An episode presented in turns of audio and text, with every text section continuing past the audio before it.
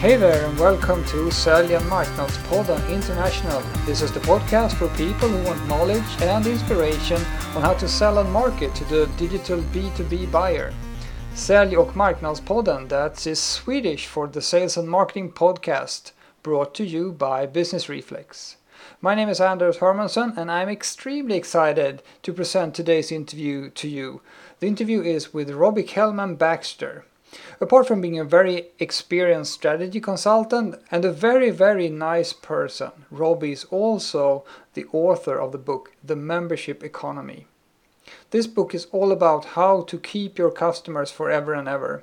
Rob and I will cover what companies need to do in order to earn that forever transaction. So if you want your customers to stick around forever and ever, this is really the episode for you. With that, over to the interview with Robbie Kellman Baxter.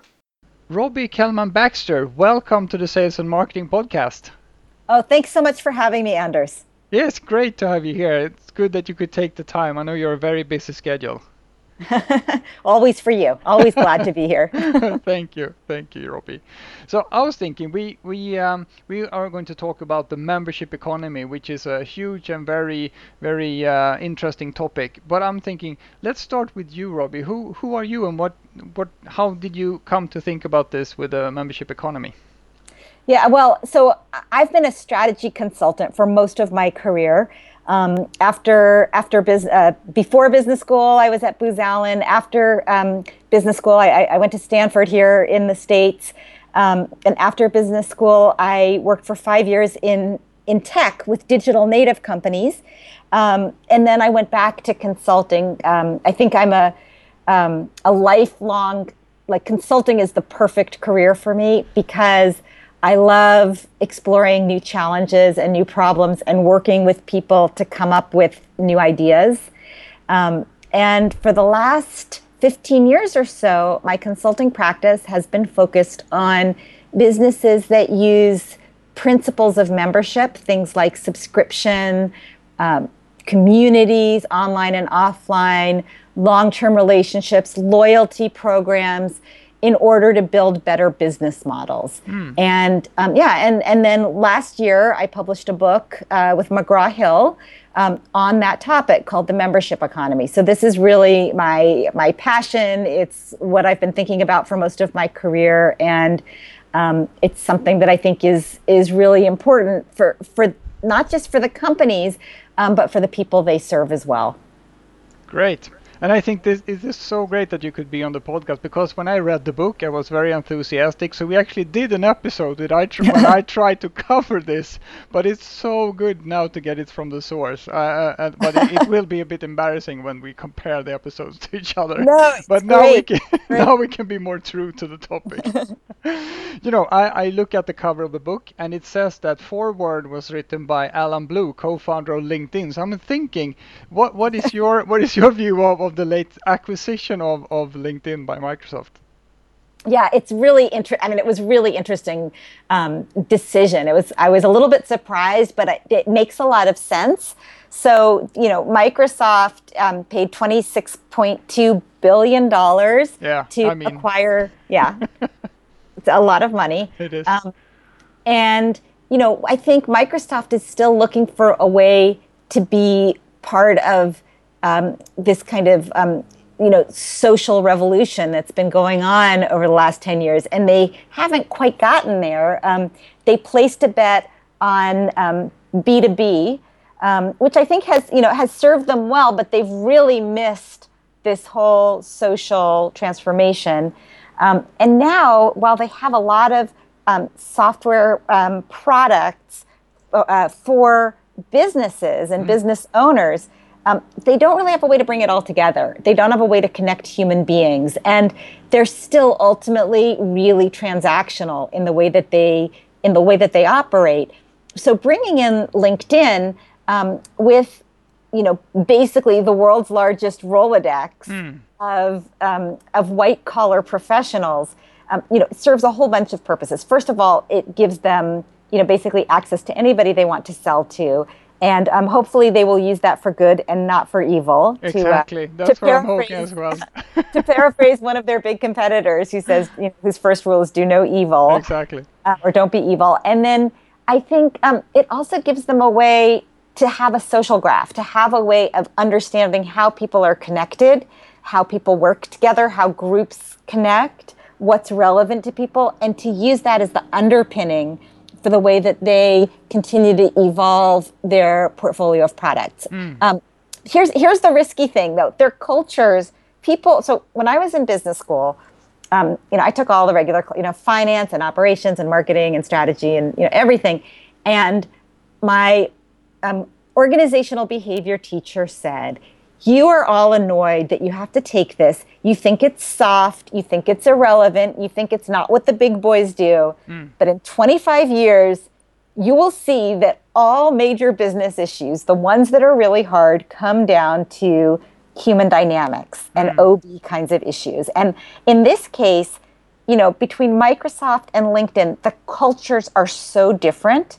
The values are, I mean, Microsoft is so focused on the quarterly you know, quarterly revenue, short-term goals, metrics focused. Exactly. I mean, they're kind of hardliners. And then you've got LinkedIn and Allen Blue who says, you know, we're focused on serving our members. We're focused on the long term. At every meeting, they say, is this in the long term best interest of our members? And if it's not, we don't do it. Right. Um, so I just worry that they're gonna you know have trouble integrating. Yeah that, I, I see that as a challenge as well. I, I think uh, many microsoft meetings is this really the way to sell another enterprise license? That's the right right. Yeah so we'll that. see we'll see what it, what it uh, will uh, result in in in a while here i guess. Interesting though uh, big changes in the world. I was hoping to you know i was kind of from a i don't know uh, standpoint of couldn't they just be on their own just to be not be part of one of the the global giants. They could just be on their own. So okay th- thanks for those thoughts. And actually i guess that tying into the the topic of the day this will this could mean that microsoft would go more into the membership economy on their own basically. Yeah and that would that would serve them well. Exactly. So okay the membership economy. Could you describe it for us? What what is it so, the membership economy is a term that I coined to describe this massive transformation that I was seeing, you know, first with the digital natives, the, the companies that I was working with here in Silicon Valley, but um, more broadly affecting virtually every kind of, of business from software to hardware to um, content to retail to consumer products about a move from you know, it's moving from ownership models to access models, um, from the transactional to the relational, you know, focusing on the long-term relationship, um, from uh, a one-time payment to many recurring payments, and from you know the organization pushing out messages, advertisements, and um, you know one-way communication to not just two-way communication, but open multi-directional communication among customers under the umbrella of the organization. And you know, you see these different behaviors being used to create what I call a, a forever transaction. Mm-hmm. Um, and this is, you know, where the, the, the customer says, as long as this organization continues to honor their end of the bargain, whatever that means, yeah. Delivering on their mission, I am going to stay loyal and continue to pay them on a regular basis or come to their site on a regular basis or stay a member forever and not look for alternatives. And that's really what the companies are trying to do is you know if you have a, a customer that is not considering alternatives, that's like the holy grail. Right. I'm thinking um, so so is this um, I have a membership myself. Uh, I can take uh, or several, I guess, more than I know. Mm-hmm. But I have a, a gym membership and yeah. I have a Netflix membership. Yeah. Are both those organizations examples of membership economy companies? Yeah, absolutely. And in fact, um, in my book, I, I look at both of them. You know, um, Netflix um, was one of my first clients. You mm. know, when I when I um, started my firm, Peninsula Strategies, um, I think they were the second major client that I worked with after Sun Microsystems, and um, I fell in love with their business model. I mean, that really was the root for all the work I did after that because I, I loved that they focused on doing one thing really well for their members and continuing to evolve how they delivered it. So, professionally created content served efficiently with cost certainty. Right. Um, and, and originally, when, when we joined, that was DVDs um, in the mail. Um, and then it was streaming content. And now it's content that they actually are creating in their own studio, but it's still achieving that same goal. Um, if, you, if you look at your gym membership, it's kind of the same thing, right? Mm-hmm. The gym promises to provide you with, you know, an inspiring and efficient way to stay, to get and stay physically fit. Right. And the way they do that has changed. You know, hopefully at your gym that's changed over time. They get new equipment. They change the kinds of courses they offer. You know, from I don't know jazzercise to Zumba to CrossFit. Um, mm. But the goal stays the same. And and probably once you join either Netflix or your gym, you're thinking to yourself, as long as they don't really disappoint me and let let me down, you know, not honor their side of the bargain and as long as I continue to need this service, I'm not going to look elsewhere. Like, I don't go every month and say, is my gym membership still the best thing, or should I go look at what other gyms have opened in my town? Right. Right. Is Net- now Netflix is having a little bit of an issue now because there's so much new competition that a lot of people are hearing that there are other organizations that might be delivering something much much better right. for their needs than Netflix. So mm-hmm. Netflix has a different issue, mm-hmm. but for the most part you know, for years and years and years, people have been, you know, very committed to Netflix. Yeah, definitely. I just got an email this week that they are ra- raising the prices on my subscription. Ah. And I'm thinking, okay. right, because you're getting why why don't you care? Uh, it's it's uh, convenient and it fits my fits my needs and uh, the content that I get access to is is great. So it's fine. Ah. So the price point that they're asking me to pay is still reasonable. Right, right. It yeah. still costs less than the value you're getting. Right, exactly. And I guess uh, the value that they are providing is, you know, instant access to stuff. right, right. yeah. Okay, great. So so there are uh, brick and mortar examples and there are also completely digital native examples as well. And, yeah, and I guess as Netflix, as you as you said, when I was living in the states uh, during the, the what was it 1999 and, and 2000, then we were subscribing to the DVDs as well. so they managed to transform themselves into completely digital business, which many companies fail to do. Right. So that's impressive. Okay, so uh, we have um, membership uh, economy companies, and I think people understand that there is the, the there is a subscription element in this. Are there other things that that you need to kind of have in order to be a membership company or how would you describe it? What other characteristics? Yeah, yeah. so the membership businesses that have joined the membership economy i i don't think there's a hard and fast line between you're in or you're out. Um, but it's about a mindset at, at the root which is that you're focused as an organization on the long term relationship with the customer. So that has tremendous implications pretty much across the whole organization. Now, in, in many cases, that means that you change your pricing model, as you pointed out, um, from a transactional, um, you know, either pay pay as pay for what you use or pay to own it kinds of models to pay a fixed price and get unlimited access. Mm. Um, that's one thing, but it also has to do with um, what metrics you use. Um, focusing, you know, in in traditional businesses, um, the transactions, the finish line, right? We we judge our our salespeople um, on how many deals they close. We judge right. our marketers on how many deals they tee up for our salespeople to close.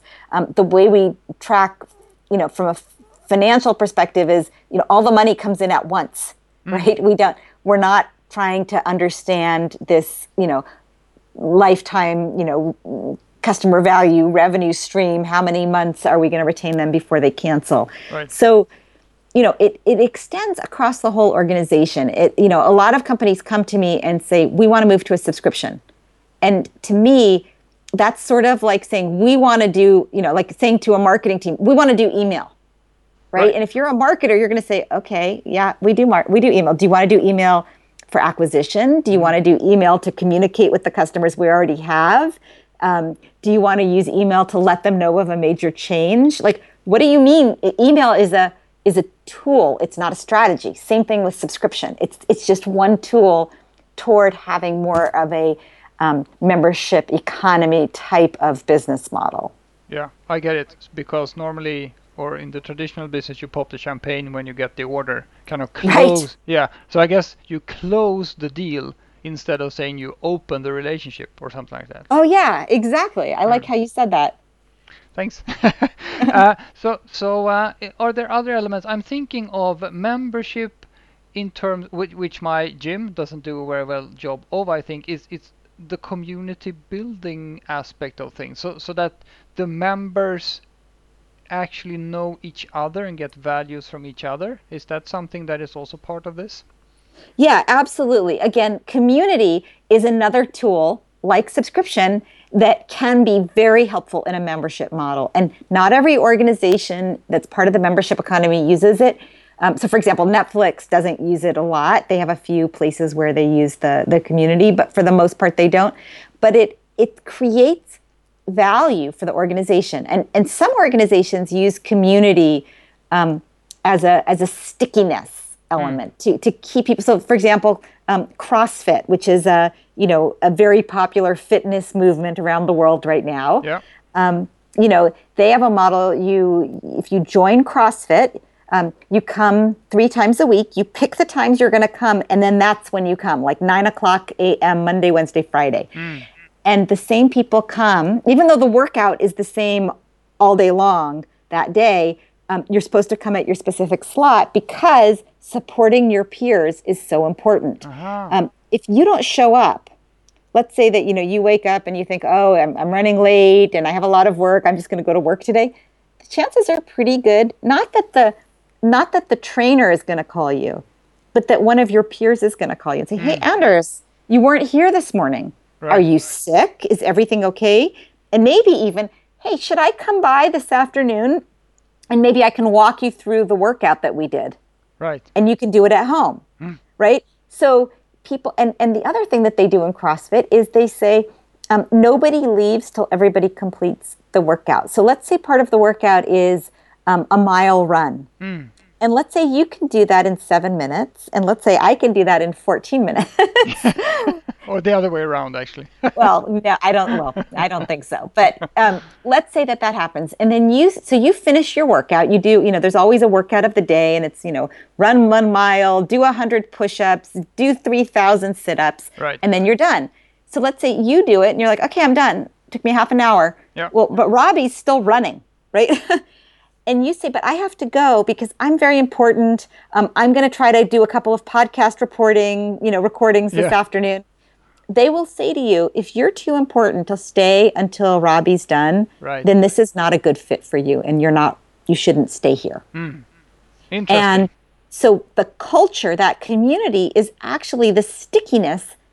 It's the value, right? That creates a lot of value for me because I have somebody like you who's super fit encouraging me. Yep. Plus, we become friends because you see me at my weakest and you're there for me. So I trust you and I like you more. And maybe we go out for a beer afterwards and we become friends.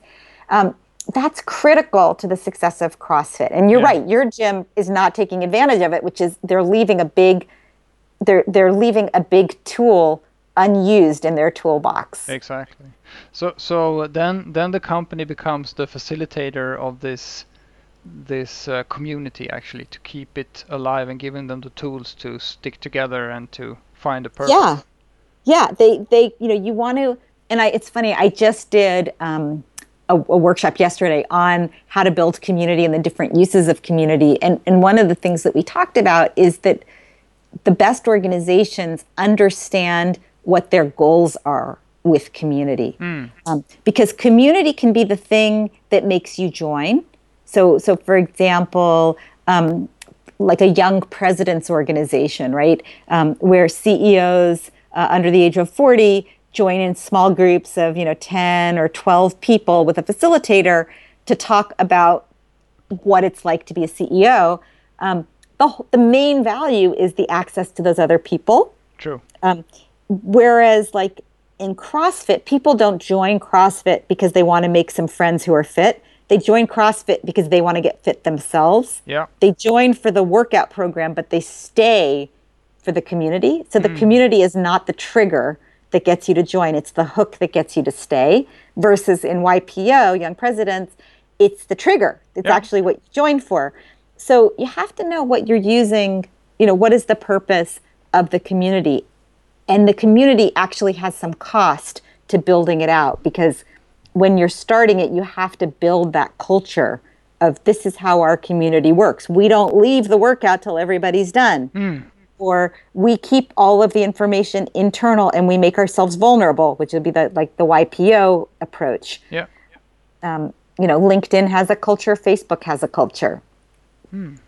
Interesting. So uh, I'm thinking. Um, so we have been talking about some examples, and I, and I maybe I I gear this towards B2C. What about B2B examples? If you have a, company that traditionally, first of all, has sold in the big transactional way, and they they have they think also, I guess, most companies think about long-term relationships if if if they make um, deals with their customers that are of greater value. But they think of it as customer service or something. It's like yeah. post purchase uh, market or something like that. So, I'm, so I'm thinking, what about B2B and the membership economy? Do we have any good examples of, of people have managed to do this in a good way? Yeah, absolutely. I mean, I'm seeing it in a lot of places. The the first place, and probably many of most of your listeners are most familiar with um, what's been going with software as a service companies. Um, so software as a service is the idea, right? Of instead of getting a licensing fee and getting access to use that software, uh, you know, for a number, of, a certain number of seats, a number of people, or a certain, um, you know, plant or you know size of an organization, they get it by the month or by the year. Yeah. And um, so they pay. So they basically are paying a subscription for access to that software. Um, and you can think like a big example might be Salesforce. Um, you know the the CRM uh, customer relationship management um, company. Yeah. Uh, so what they've done, which is really interesting, is first of all they understand that behind every B in B two B, mm. there's a C, a consumer, mm. and um, behind that C, there's a human being, right? An H, right? And we have those same needs as as human beings, where we want to be recognized, we want to have long term relationships, we want to have our needs met, so we don't have to worry about them. So in the case of Salesforce, let's say, um, there's sort of two people that can be members of the Salesforce organization, uh, Salesforce community. One of them is the buyer, yep. the person who makes the purchase decision. So that might be somebody in the technology department or somebody in the sales organization or the sales administration organization, depending on the size of the company. That person's buying it, and, and their goals are I want to look like I'm like I'm smart, like I made a good choice, mm-hmm. like I understand things. I want to have great data so that I can be impressive at my meetings. And then there's the administrator, the person who on a daily basis is actually implementing and utilizing the software. And they're trying to be efficient at getting their job done, um, be responsive um, to their to their internal clients, and ultimately they want to get a promotion. Mm. Um, or get get a or, or have job security. So if they leave one company, they can get a job somewhere else. And so Salesforce has done a lot around those communities. They have um, uh, online forums where you can get help from other people in similar roles um, and support. Uh, you can get status within those organizations if you if you participate a lot within those communities, within those forums, you get more status. Um, and ultimately, they have something called um, uh, uh, what do they call it? They call it the MVP, most value, you know, most valuable player. Mm-hmm. Salesforce MVPs yep. um, are are administrators who have um, participated very actively in the online forums. They've probably spoken at Salesforce events like Dreamforce, which is their huge event that they have in San Francisco every year. Yeah. Um, that sells out every single hotel in the entire city and requires them to bring two to three um, uh, what do you call them? Those huge uh, cruise ships. Bring those into the harbor so that they have more more bedrooms.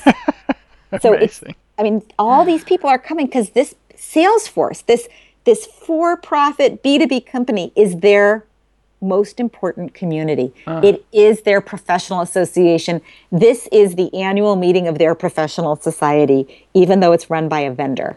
Mm, that is amazing. So they really get uh, to they build a relationship extreme extreme strong relationship with these administrators, and it's kind of self fulfilling. It, it it just works because they get the status and they interesting. So so um, so that that is a um, so that's a SaaS company which is very much B two B. And yeah. they were saying, uh, you know, first time I came across uh, came across uh, Salesforce many years ago, I I saw because then I was in the software industry as well, and we were making money off of license sales and also you know all the implementation services, but also training.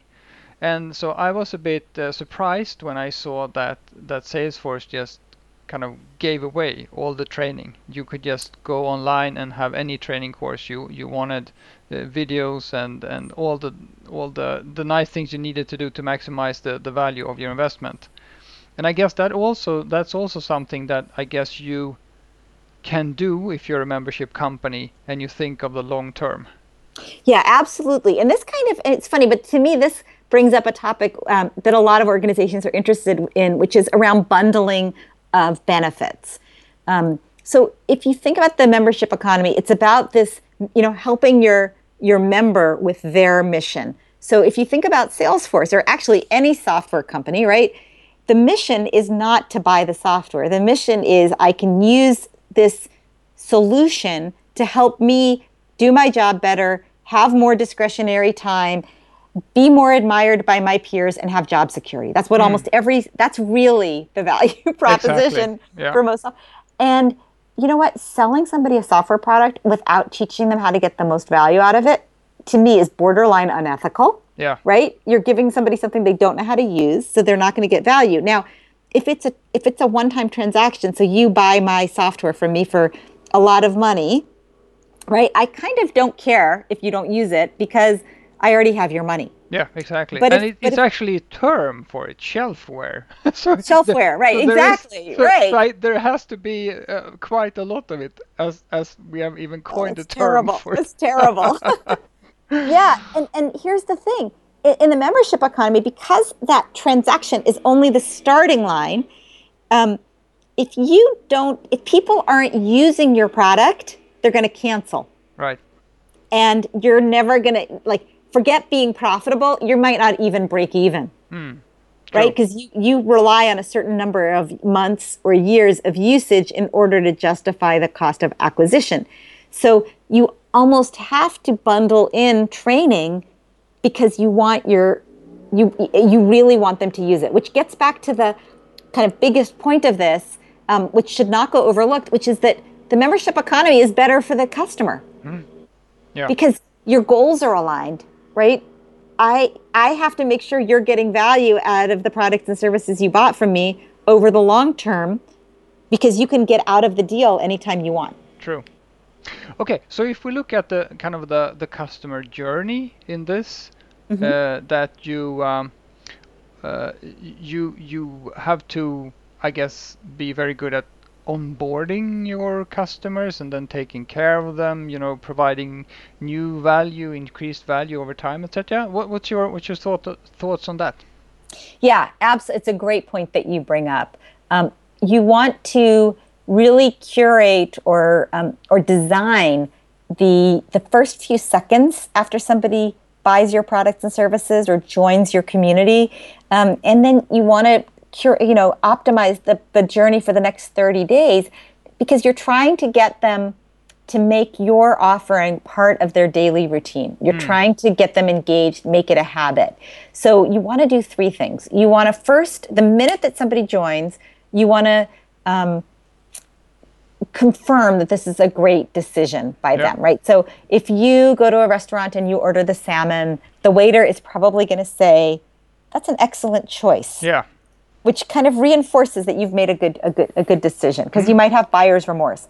Second thing that you want to do is you want to reward them. So you want them to immediately start getting some value as part of the onboarding. So if this is a music site like Spotify or Pandora, you want them to start hearing music. That's why they joined. They want to start hearing great songs that they're going to enjoy. Right. So you do that right away before requiring a lot of, um, you know, setup. Yeah, fill, fill the- up fill out this form, tell us all Right. about you.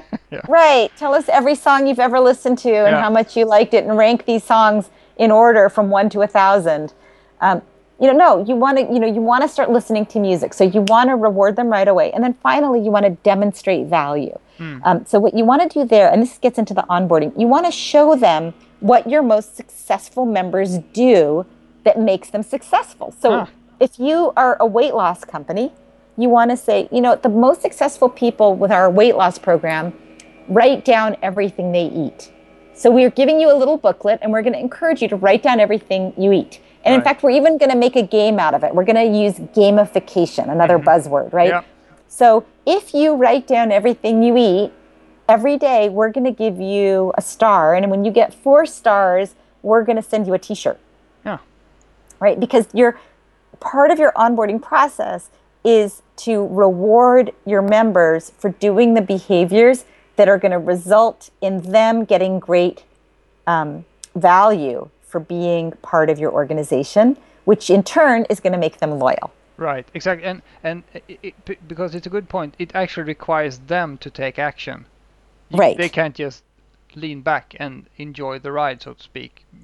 There has to be some change of behavior somewhere for, for Right. this person to actually buy. So you need to be really aware of that and help them to change the behavior because that's when the value kind of materialize. Yeah, and, and in fact, yesterday I was talking to somebody at a very large um, global um, media company, and we were talking about this about um, the customer journey. And she said, "So what you really want me to do?" She was incredulous. She said, "So you really want me to to take the personas we've developed, these individual people that we're trying to attract, and actually say, this is why they sign up." this is what they do in the first five minutes. This is what they do on the first day. This is what they do on this. I'm like, yeah, that's exactly what you want to do. And if you don't know the answer to that, you're leaving money on the table, Yeah. right? You're trusting to the wind that they're going to do the things that are going to give them value. Exactly. Hmm, It's like it's like it's like giving somebody a re- you know teaching saying you want to teach somebody to make a cake and you give them a package that includes flour and butter and sugar and eggs Yeah. and a, and a mixer and you don't tell them you know our most successful people read you know have a recipe they use a recipe and they turn on the oven and they you know like why not just make it easy for them to get the cake Exactly. That's what they want. They don't want the flour and the, the butter. Right. They want the cake. they want the cake okay, so we have touched on it, but what do you think it takes at the core, so to speak, uh, to to uh, transform into this membership company? Yeah. So at the core, to be a membership company, um, the first thing, you know, and we're talking about companies that are transitioning because everybody from consumer products to retail to media companies are making this transition. And, you know, so the question is first of all, do you have a membership mindset? Yeah. Um, meaning, do you have a long term formal relationship with your members? Is that what you want? And if the answer there is no, like that's often where I spend a lot of time with companies, is just getting the team to understand that your your short-term transactional revenue and your new logos of new customers is not as important as your retention number Right. retention is not sexy, right? People are not excited about it. It's usually hidden somewhere in the customer support team. Um, so you have to really change your mindset, change your values. Um, and then you want to look at your customer and say, what is it that they're really buying from us? Are they, you know, and like, you know, in the example of a gym, you know, they're not buying, you know, access even to specific equipment. They're buying health. These, Yeah. Well, if they're buying health, what are all the things we should give them to maximize the chances that they are fit and healthy? And all, all of a sudden, new ideas will come to mind of things you can offer them. And you start to bundle that because you're trying to help them achieve their mission. Yeah. So that means that you change, like a newspaper company that I worked with changed from saying, you know, we sell a newspaper that has five sections. We have a front page section, which is national news. We have a business section. We have a um, arts and leisure section, and we have a sports section. Um, mm. Instead of that, they say, we have some members who read our paper because they want to be current on what's happening in the world. We have others who read our paper because they want escapist uh, content about vacations and books and arts. What they would, those two groups would want very different memberships, right? Mm. In fact, in a lot of families, um, the newspaper comes and one person grabs the front page, one person grabs sports, one person grabs leisure, yeah. and they yeah. don't even share because nobody cares about the other parts. So on some level, a newspaper is not the ideal structure. So when you when you're transitioning to a membership model, you say, okay, let's take a step back and look at the people that are buying our product and why they're buying it and what their bigger goal is. Mm. And let's think about how we can offer them something that solves that problem forever for them. And they'll yeah. maybe they'll pay for that. So that's that's kind of how you would transition. I think that's great because when we when we uh, go into a company and talk about their their marketing strategies and how how they can transform in in their communication, we always say that they need to start thinking from the outside in, mm-hmm. take a buyer perspective, and I think this is great because you expand the concept of actually looking at it not only from a communication standpoint but also from an actually from an offering standpoint and the yeah. whole relationship seeing this uh, as, as a long-term thing with what you actually offer. And that could be you know it could have great consequences on on how you structure your product or your service uh, going forward when you when you embark on this. It's great very interesting. Yeah absolutely. And for your you know i know there's a lot of um, sales and marketing people listening but also um, ceos biz dev product people listening um, the lines get blurry in the membership economy because if you have the right membership offering, if you, mm. in other words, the right product, um, not only do people stay for much longer, so you need less um, outbound marketing and acquisition marketing, but also referrals become part of the engine. Yeah. And so, you know, having the right product becomes that. It's, it's not just enough to have a product that that you can have a good marketing message and sell it and then forget about the people that actually have to use the product. The product has to justify the retention. Yeah. Uh, yeah so so so there are just sprang to mind the, the dropbox they actually built their business on referrals and actually enabling people to refer others and yeah. getting getting like a, a bonus for that. Well yeah because they actually it brings up a great point. Dropbox has a, an organic viral component to it, which is right. that if I, you know, create a big file and I want to share it with you and I use Dropbox, you're going to join Dropbox. Exactly. Yeah. So, Very smart. Yeah. So I'm thinking, okay, so we went, uh, you you quickly went went through the, the different functions, but but uh, if we could repeat and, and stay a bit longer, so so what would you say for the traditional marketeer, which which is lead generation, acquire new customers, what would you say the biggest difference would be in, in their lives if they would embark on this together all with the, with the other all the other functions in their company to embark on the on the membership economy journey? Um, I think the biggest change for for marketing, um, number one, is that acquisition becomes less important. Mm-hmm. Um, so I would want my marketing team working really closely with my product team to figure out what the offering needs to be for these people. So they understand. A marketing person understands the market, right? These are the people that we serve. These are their problems. This is how we can help them. Then the product person says, okay, now that I understand that better, I'm going to design something that they're going to love. So that's right. that's the most important thing. The other thing is I think some of the marketing budget might actually go into creating hooks in the product, especially if this is a digital product. Yeah. Into the hooks that allow for easy referral. Because referral could be your number one source of acquisition. Mm. So marketing should be looking at the way the product is built and designed to make sure it's optimized for future marketing. I think that's a very good example of how, how lines are blurred and jobs are being redefined basically. Yeah. Yeah. So so if, if we if we go over to sales I think that's uh, probably huge different in in, yeah. in how you look how you look at at uh, what what your job actually is. Oh yeah. Okay. So here's an example with sales. So um, I worked with a company that was um, a software as a service company, and sales.